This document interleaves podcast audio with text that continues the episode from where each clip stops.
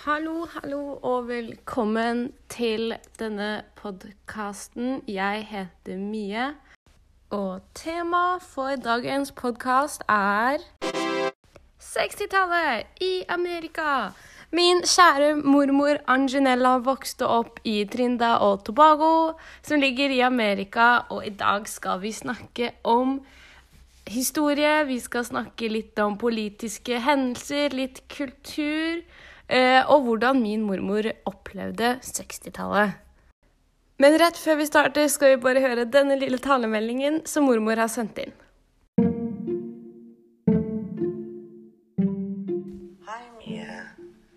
Good morning to you. This grandma calling to ho- hoping you're having a good day today.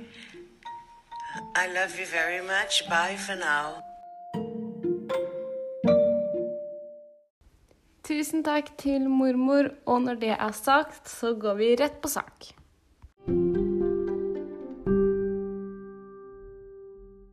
Fra starten av 60-tallet så så meg en klar forandring i samfunnet. Folket, altså eh, både arbeidere og andre i samfunnet, begynte å jobbe aktivt for en forandring i politikken, eh, og både i det sosiale og kulturen. Det var alt fra studentbevegelser, kvinnebevegelser, kamp for like rettigheter. Og disse eh, sivile rettighetsbevegelsene, da, jo allerede, var jo allerede startet eh, på 50-tallet. Eh, men flere av disse bevegelsene hadde de store pangene da, på 60-tallet. En av bevegelsene er jo f.eks. Rosa Parks, som protesterte på bussen. Dette med rateskille. Og dette skjedde jo på 50-tallet. Men nemlig dette med raseskille og diskriminering hadde et høydepunkt på 60-tallet, nemlig med Martin Luther King jr. Martin Luther King jr. har jo hatt en del protester mot diskriminering og rasisme. Han hadde jo et mål om at eh, alle skulle være én og ha like rettigheter. Men det har ikke alltid vært sånn. Eh, I 1963 så dro han til Alabama, eh, hvor det hadde vært hærverk av rasister mot mørkhudet folk sine bygninger. De har brent ned hus. De har til og med hatt bombinger der. Eh, det er faktisk de fleste bombene som har vært i Amerika siden andre verdenskrig. Eh, og mennesker av farge ble også kastet ut av butikker de eide, eller restauranter. Ting ble også stengt mot egen vilje. Og under denne protesten som Martin Luther King var med på, ble han arrestert faktisk av presidenten for den tiden, som var John F. Kennedy. Men senere i Washington så var det en offentlig demonstrasjon, også kalt The Washington March. Og til denne demonstrasjonen møtte det opp faktisk hele 250 000 mennesker, som gjør dette til den største offentlige demonstrasjonen i amerikansk historie. Her holdt Martin Luther King sin veldig berømte tale I Have a Dream. Talen til Martin Luther King inspirerte veldig mange, inkludert presidenten Kennedy. Senere ville han at Kongressen skulle bannlyse all diskriminering. Men tragisk nok, ikke veldig lenge etter den hendelsen, så ble Kennedy skutt og drept, bare tre år etter han hadde blitt president.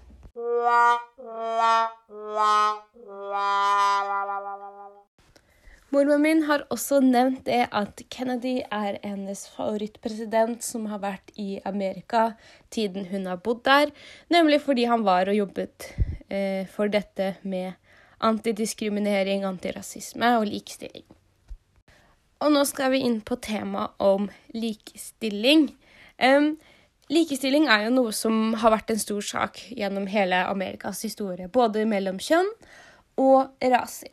På 60-tallet så var det altså feministbevegelse hvor mange kvinner følte seg systematisk diskriminert. Uh, og det var jo en diskriminering for ikke bare lønnsforskjeller eller utdanningsmuligheter og jobbmuligheter for kvinner. Det var også store forskjeller mellom rasene. Som eksempel i min mormors familie da hun vokste opp, så hadde ikke moren hennes jobb, men hun var hjemme eh, i huset og gjorde husarbeid, mens faren hennes eh, hadde en butikk hvor han jobbet i. Noen av temaene som ble tatt opp av disse feministene, var barnetrygd, abort og utdanning.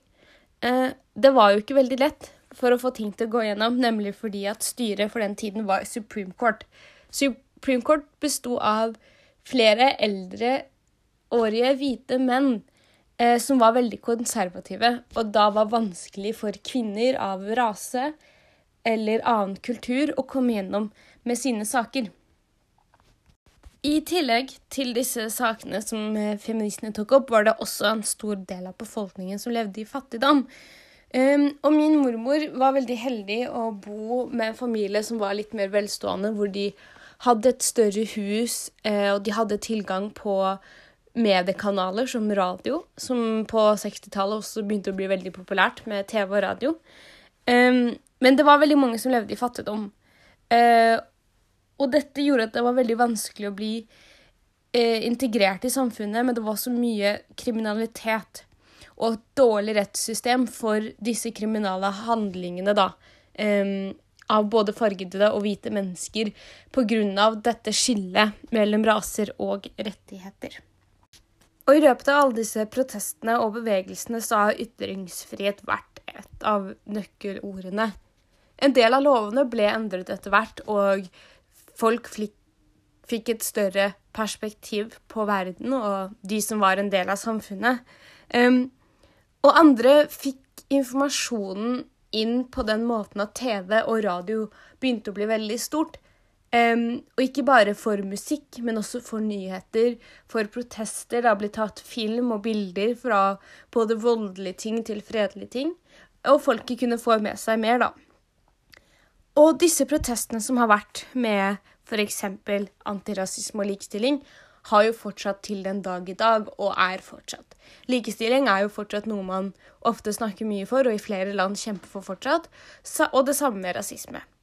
Og når det er sagt, så vil jeg takke for meg og håper at du koser deg med dette lille lydklippet av Frankie Welly, 'Can't Take My Eyes Of You'.